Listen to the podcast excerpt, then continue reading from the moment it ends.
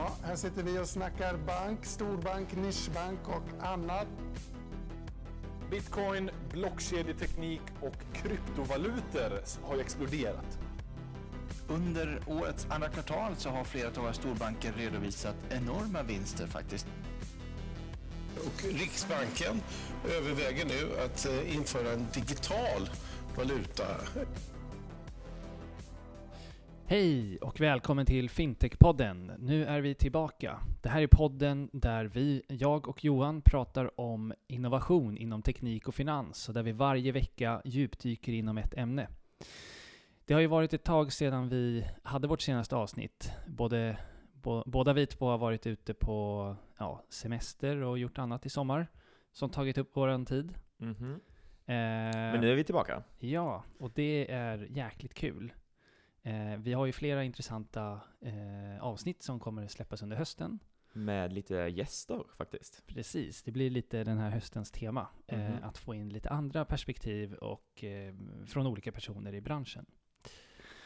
Eh, Men det idag- berättar vi mer om lite mer framöver. Ja, precis. Idag få- ska vi fokusera på något som händer väldigt snart i tiden. Ja, Faktiskt imorgon när vi spelar in det här avsnittet. 14 september. exakt. Effektivt blir det väl måndag för många, när Mm. det är helg imorgon. Men eh, ja, och det som händer då, vad är det? Det är ju den eh, legendariska PSD2-regulationen som kommer att träda i, i kraft då. Det man har snackat om nu i flera år. Ja, det bankerna har förberett sig i, ja, fyra, fem år kanske. Och det är ju en liten del av PSD2 eh, specifikt som slår i kraft imorgon då. Ja, eller som kommer kanske, som vi konsumenter kommer märka av eh, starkast. Och det är väl kanske det vi kommer fokusera lite på i dagens avsnitt. Precis, och det vi tänker på är ju då såklart det som heter SCA, Strong Customer Authentication. Eh, men innan vi hoppar in på det, vad det är, så kanske vi ska snacka lite mer om, bara köra en liten recap PSD2. Vad är det egentligen? Vad, det har vi ju pratat om tidigare. Men om man skulle bara säga lite kort, vad handlar det om? Ja, det är ju då ett regelverk som Europeiska unionen har tagit fram som eh, syftar till att egentligen öppna upp eh, bankkundernas data så att de, det ska vara möjligt för eh, bankkunder att ta med sig datan till en annan bank eller till en annan aktör på marknaden och så öppna upp marknaden för betalningar. Så man kan säga att PSD2 är lite tvådelat. Det ena handlar om eh, kunddata hos bankerna och det andra handlar om att liksom öppna upp betalningsmarknaden som är ganska centrerad till ett fåtal aktörer idag. Precis, och vill man veta mer om PSD2 så kan man ju faktiskt gå tillbaks till vårt avsnitt tidigare och kika på det och lyssna. Eh, för där går vi mer igenom ja, lite djupare vad, vad det handlar om. Eh, men det vi kan ta med oss i det här avsnittet är att det handlar om kunddata och betalningar. Och det är så att bankerna tvingas via lag att dela med sig av den här eh, datan och att genomföra betalningar. Mm. Och lite som en bonus på det här hela så har ju bankerna blivit tvungna då att eh, eh vad ska man säga, installera nya tekniska plattformar internt hos banken för att möjliggöra den här datadelningen. Och just de här plattformarna ligger ju till grunden på vad, eh, för vad vi kallar då open banking i stort. Liksom. Att eh, möjligheten att ta in annan typ av data och dela med sig av annan typ av data och möjliggör även samarbeten mellan bankerna och andra typer av aktörer på marknaden. Precis, och mycket i, när, de, när man sätter upp de här plattformarna handlar ju väldigt mycket om säkerhet. Att det ska vara säkert, att det ska vara säkra betalningar och att dat, ingen data ska delas av misstag eller kunna stjälas eller någon obehörig ska kunna få tillgång till data och så vidare. Och det är lite det eh, SCA handlar också om för betalningar. Vad, vad kan vi säga att SCA egentligen är? Ja, i grund och botten är det ju eh, en del av regelverket som syftar på att göra säkrare betalningar online. För i dagsläget så är det ju ganska, det vet ni själva säkert när ni handlar online, liksom, det är ju, skiljer sig ganska mycket från de olika betalningsleverantörerna och olika hemsidor. Ibland så behöver du bara knappa in ditt personnummer och betalningen sker automatiskt med Klarna. Eh, ibland så behöver du eh, lägga in hela kortnumret och de eh, tre säkerhetssiffrorna och personnummer och namn och allting. Och ibland så måste du göra en betalning med BankID. Eh, och det SCA eh, gör nu, eh, när det träder i kraft imorgon då, 14 september, är att det kommer bli eh, mer reglerat, så alla köp över 20 euro tror jag där måste ha tvåfaktors autentisering. Alltså du behöver dels eh, kortet i sig, plastkortet, numren på det, men du behöver också något annat som stärker att det är faktiskt du som äger kortet. Som till exempel ett fingeravtryck eller till exempel en inloggning med eh, BankID. Så det som eh, det kommer göra är att alla butiker i Europa måste då stödja den här tvåfaktorautentiseringen. Så du behöver dels kortnumret och något annat som styrker att det faktiskt är du som äger kort, kortet i sig. Så att det inte, det ska bli mycket svårare att skimma kortet, det ska bli mycket svårare för någon att stjäla kortet och göra betalningar online. För att ja, du behöver liksom något mer än bara kortet för att göra mm. betalningar. Och eh, vad tror vi då? Är är, vi, är, är branschen, eller liksom är butiker och äh, olika merchants, är de redo för det här? Eh, det är många aktörer på marknaden som säger att eh, vi inte är redo. Men det är också kanske lite på, eh, på grund av att de vill sälja in sina tjänster.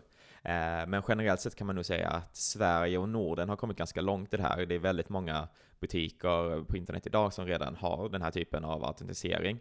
Så för dem så kommer det inte påverka så mycket liksom. Och om man har en ganska, eh, om man har en bra eh, betalningsleverantör i dagsläget så ska det här vara implementerat sedan länge. Så eh, för de flesta butikerna kommer det inte påverka någonting. Men för kanske lite mindre webbshoppar som använder någon lite äldre betalningsleverantör, då kan det faktiskt påverka. Och det som det kommer hända då redan nästa vecka är ju om du gör ett köp, eller du vill köpa något på en lite mindre internetbutik som kanske inte har det här stödet eh, från sin betalningsleverantör. Då kommer banken faktiskt neka köpet. Så du kommer inte kunna köpa på den här butiken förrän de har uppdaterat sitt betalningssätt.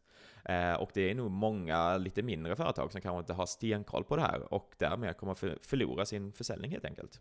Just det. Det är ju lite det som, som blir själva grejen med det. För man har ju pratat ganska mycket om, i alla fall i i liksom bank, finans, fintech-världen och så om det här äh, datumet 14 september som alltså nu är imorgon. Att det kommer på något vis förändra eh, marknaden och ja, kanske en av de större förändringarna på mycket länge. Eh, handlar det egentligen om att man, eh, att det blir liksom de som har förberett sig väl för det här får en konkurrensfördel mot andra? Eller, eller vad kan man säga att, vad är den stora förändringen egentligen?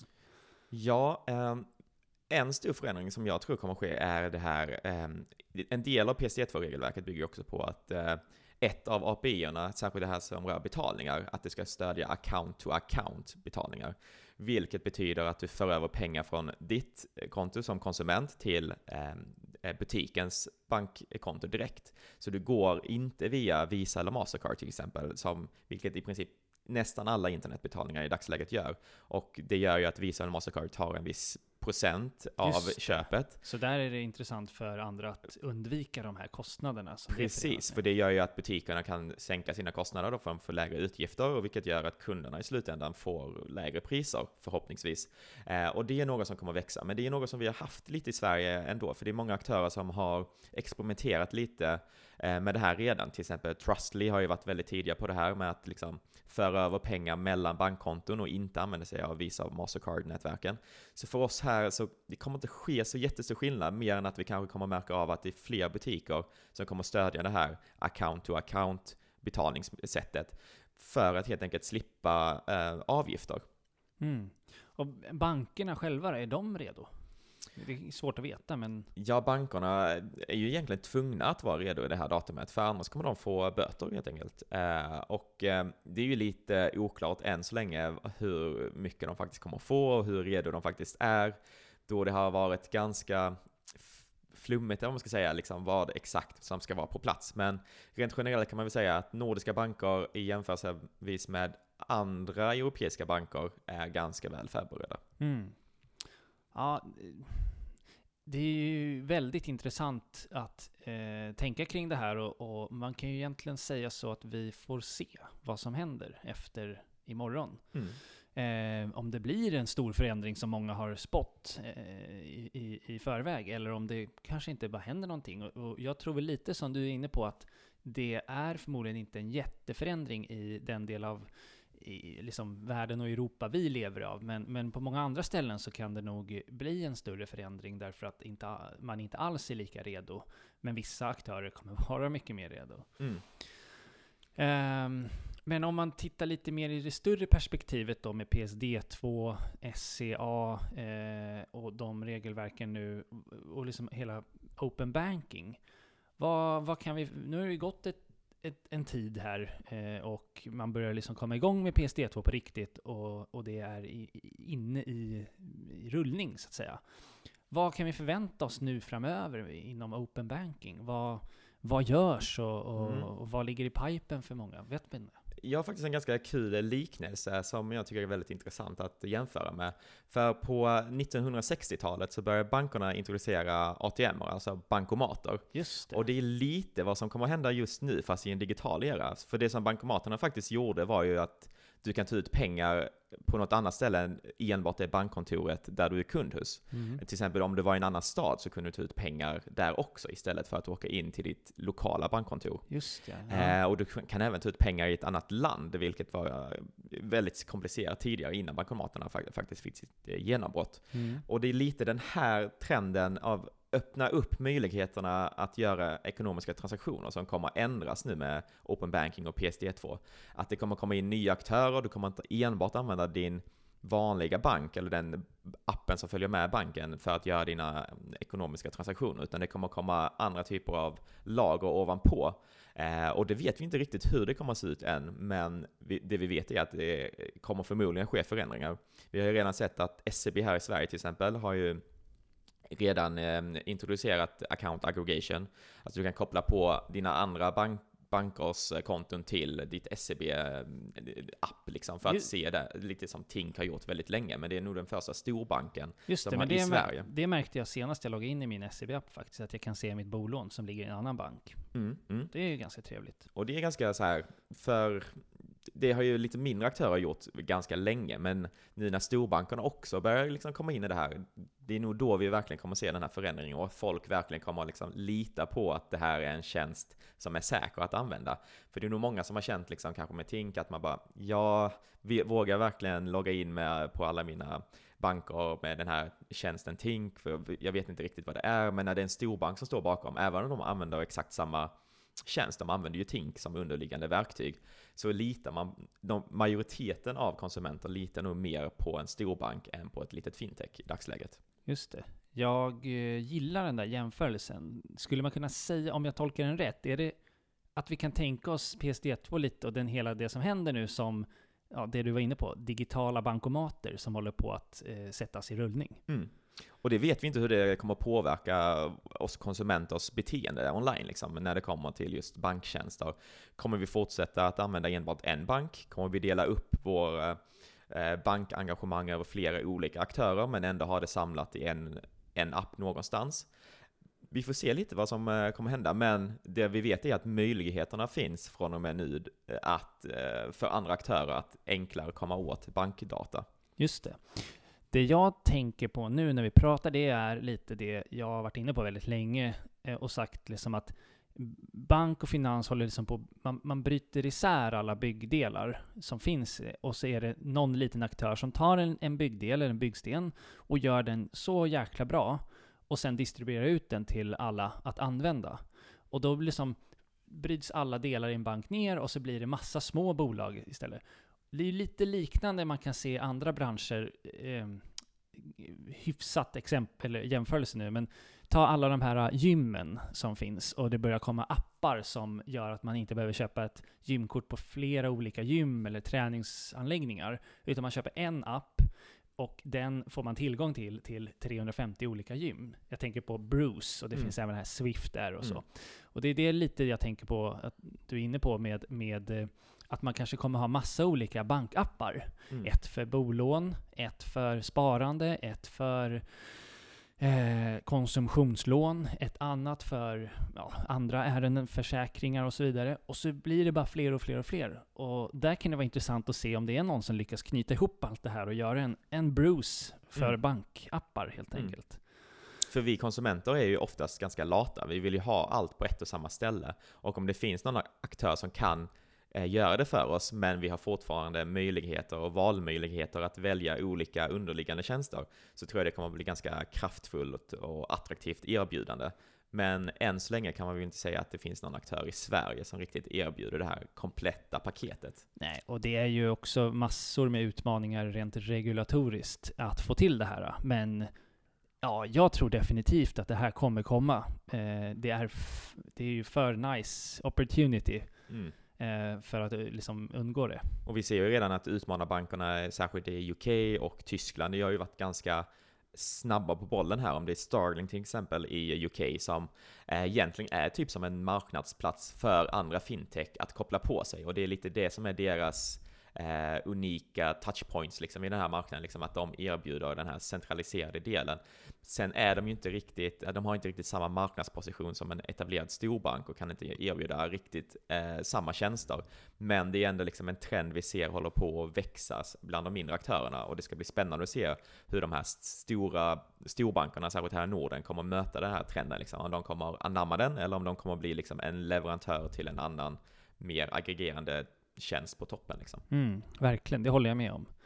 Uh, en annan grej som, som eh, har blivit lite av en följd av PSD2 och så, det är ju att alla nu satsar på det här som man kallar PFM, Personal Finance Management. Alltså en app som hjälper en användare med dess ekonomi, eller att förstå dens ekonomi bättre. Jag läste nyligen en, en undersökning eh, från en eh, bank, en retailbank då i, i Nederländerna, där man säger att hälften av alla eh, deras kunder eh, vill få en bättre förståelse för deras ekonomi. Och hela 25% eh, sa att de har varje månad svårt att hantera eh, eller kontrollera sitt spenderande. Och det är klart att här finns en jättemöjlighet för banker att, att skapa en app som verkligen hjälper en individ med dess ekonomi. Och det här ser vi i många andra branscher. Vi ser det i liksom träningsappar, psykologiappar, mindfulnessappar, kostappar, eh, liksom hälsoappar i, i, i, i allmänhet. Och nu börjar vi verkligen se en stor eh, liksom tävling om vem som av alla eh, finansiella och bankbolag som kan skapa den här appen som på riktigt så här, hjälper. Tänk att bara rent digitalt kunna hjälpa en människa att förbättra dens ekonomi. En människa som kanske aldrig har sparat, en människa som kanske alltid ligger på minus efter månaden, att få den att alltid ligga på plus, eller att få en människa som aldrig har sparat att börja spara.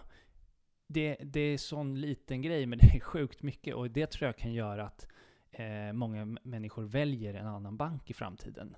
Så eh, det är verkligen en, en opportunity för, för banker. Men som vi har varit inne på tidigare så är det ju verkligen så att fintechbolagen, de mindre, eh, har kanske en fördel här där man kan jobba mycket snabbare. Det är andra saker också som är viktiga. Eh, att nå ut med sina appar och, och, få folk att tycka att det är intressant. För det är kanske inte någonting som människor vanligtvis har tyckt är så intressant med en bankapp. Liksom. Mm. Där är det ju mycket liksom hur man lägger fram sitt marknadserbjudande. Och där kan man väl rent generellt säga att storbankerna ligger ganska långt efter om man jämför med fintech-aktörer. För jag tycker att det enda man ser nu på tunnelbanan och på busstopp är ju olika typer av fintechbolags reklamer. Anyfin, men det är mycket konsumtionslån framförallt kanske. Vilket gör kanske folk hamnar i ekonomiska situationer som de inte riktigt kan, kan hantera och det är ingen som hjälper dem riktigt att få den här ekonomiska kollen som vi pratar om, ett PFM-verktyg, faktiskt kunde hjälpa till med. Men det är ganska intressant att se hur liksom de här fintechbolagen verkligen nischar in sig på olika målgrupper och go all in på det där, medan mm. storbankerna, de, de finns inte ens med här liksom, utan det känns som storbankerna i dagsläget är ju enbart till för att göra, alltså ge folk bolån typ. Mm, mm. Eh, och det är det de satsar på, för det är där fintech-aktörerna inte riktigt kan komma in i än. För mm. att det är en ganska hårt reglerad marknad. Men även där ser vi ju lite aktörer som kommer, är på väg att komma in. Liksom. Så det mm, kan också mm. förändras ganska snabbt. Eh, och vad är storbankerna egentligen då i slutändan? Ja, ja men verkligen. Och om man ser de här P5-mapparna, om, om en bank får en, till en sån jäkligt bra, och får användare att vara i den och interagera med den och höja liksom eh, dess, eh, ja vad säger man, närvaro eller liksom eh, hur mycket man använder den här appen och hur mycket man gillar den och så. Det blir ju värsta kommunikationsplattformen där man kan nå ut till, till människor och påverka människor och hjälpa människor och beröra människor. Och där finns det ett jäkla möjlighet att liksom ja, får dem att upptäcka andra tjänster inom en bank. Du pratar om bolån till exempel. En P5-app handlar kanske om eh, vardagsekonomin på ett annat sätt. Men där kan man också marknadsföra ett bolån. Och mm. det tror jag kommer bli jäkligt intressant att se hur det slår i framtiden. Då. Och det är ju ganska mycket mer kraftfullt att se med hjälp av ett PFM-verktyg din, kundens faktiska ekonomiska situation. För i dagsläget, jag var inne till exempel på en stor bank för eh, någon dag sedan för att eh, kolla över mina bolånemöjligheter. Det. Och det de sitter med egentligen är ju ett Excel-ark, där Mm. de knappar in siffrorna manuellt. Eh, men det är ju helt idiotiskt för att alla siffrorna finns ju eh, hos eh, någon bank i dagsläget och de finns ju öppna nu tack vare PSD2. Så egentligen så, eh, ja, jag har ju bättre koll på eh, ekonomi med ett PFM-app från ett fintechbolag än vad bankerna själva har om min ekonomi. Ja. Vilket är väldigt konstigt för att det är de som ska ge de här st- stora riskerna med ett bolån till exempel. Liksom. Och där, där sitter de och knappar in siffrorna manuellt i ett Excel-ark med väldigt stor risk för att det ska bli fel och att uppgifterna inte stämmer. Mm. När egentligen alla uppgifter finns att få tag på digitalt. Ja men exakt, och mycket handlar ju om, datan finns, sen handlar det om att presentera den på ett bra sätt. Jag är ju lite av ett träningsfreak och använder en massa andra appar för träning och så här, och gillar att alltid dra paralleller mellan träningsappen och hur den visualiserar min statistik i träningen och sånt, till att se och jämföra med hur en PFM eller bankapp visualiserar min ekonomi och mina köpbeteenden och så vidare. Här tror jag att det finns liksom ändlöst med möjligheter att visualisera det mycket bättre där du nästan kan göra en digital rådgivare som kan göra, göra ekonomin för en individ lättare att förstå än vad en fysisk rådgivare kan. Men människor kommer alltid vilja ha en människa i många fall att prata med och diskutera med.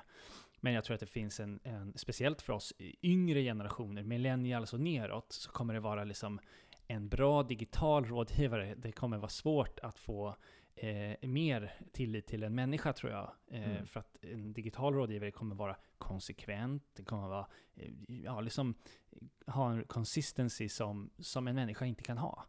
Eh, Men bara, det här är väldigt intressant, det kanske bara en avslutande del på det här avsnittet. För att i och med att jag har varit runt och kollat, eh, eller hört runt på olika banker om just bolån, så eh, det var den första banken som faktiskt bjöd in mig till ett personligt möte som jag jag fastnar ju direkt för det liksom. Eh, och att jag tänker ändå att jag är helt digital, jag ska bara använda digitala, möjligtvis jag kan ta ett telefonmöte.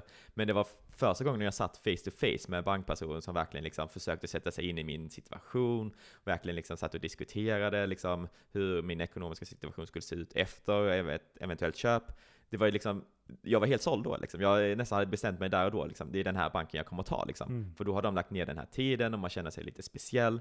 Så det, så här, det är både, alltså man vill ha det bästa digitala upplevelsen, ja, men du vill också ha den här fysiska kontakten liksom, eller face to Kombinationen, face. ja. Kombinationen är extremt viktig.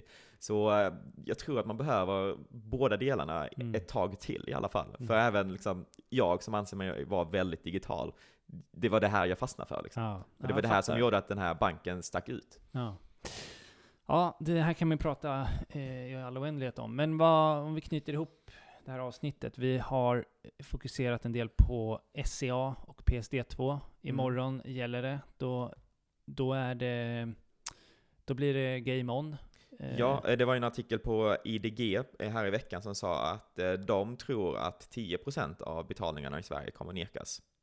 Mm. Det är ju ganska många. Man har ju fått en och annan varningsnotis från lite olika aktörer som säger att det kan bli svårt med betalningar efter imorgon. Precis, det dyker ju upp här i appen när du loggar in på, eh, förmodligen nästan alla storbankerna har ju gått ut med varningar för att det kommer att bli svårare att genomföra kortbetalningar, för det kommer ju bli en kanske en st- större belastning också på bankerna, liksom, Mm. att ta hand om de här mer, ja, fler transaktionerna med de här säkrare anslutningssätten. Liksom. Sen kan man ju tänka lite framåt och se vad... Det blir intressant att se vad det blir för eh, böter för de som inte sköter det här och så. Mm. Men det kan vi ju prata ett helt avsnitt om eh, Mm. i framtiden. Köra en liten uppföljning efter, eh, om något halvår, när vi har sett lite mer den faktiska påverkan. Hur mycket kostade PSD2 för bankerna och andra aktörer?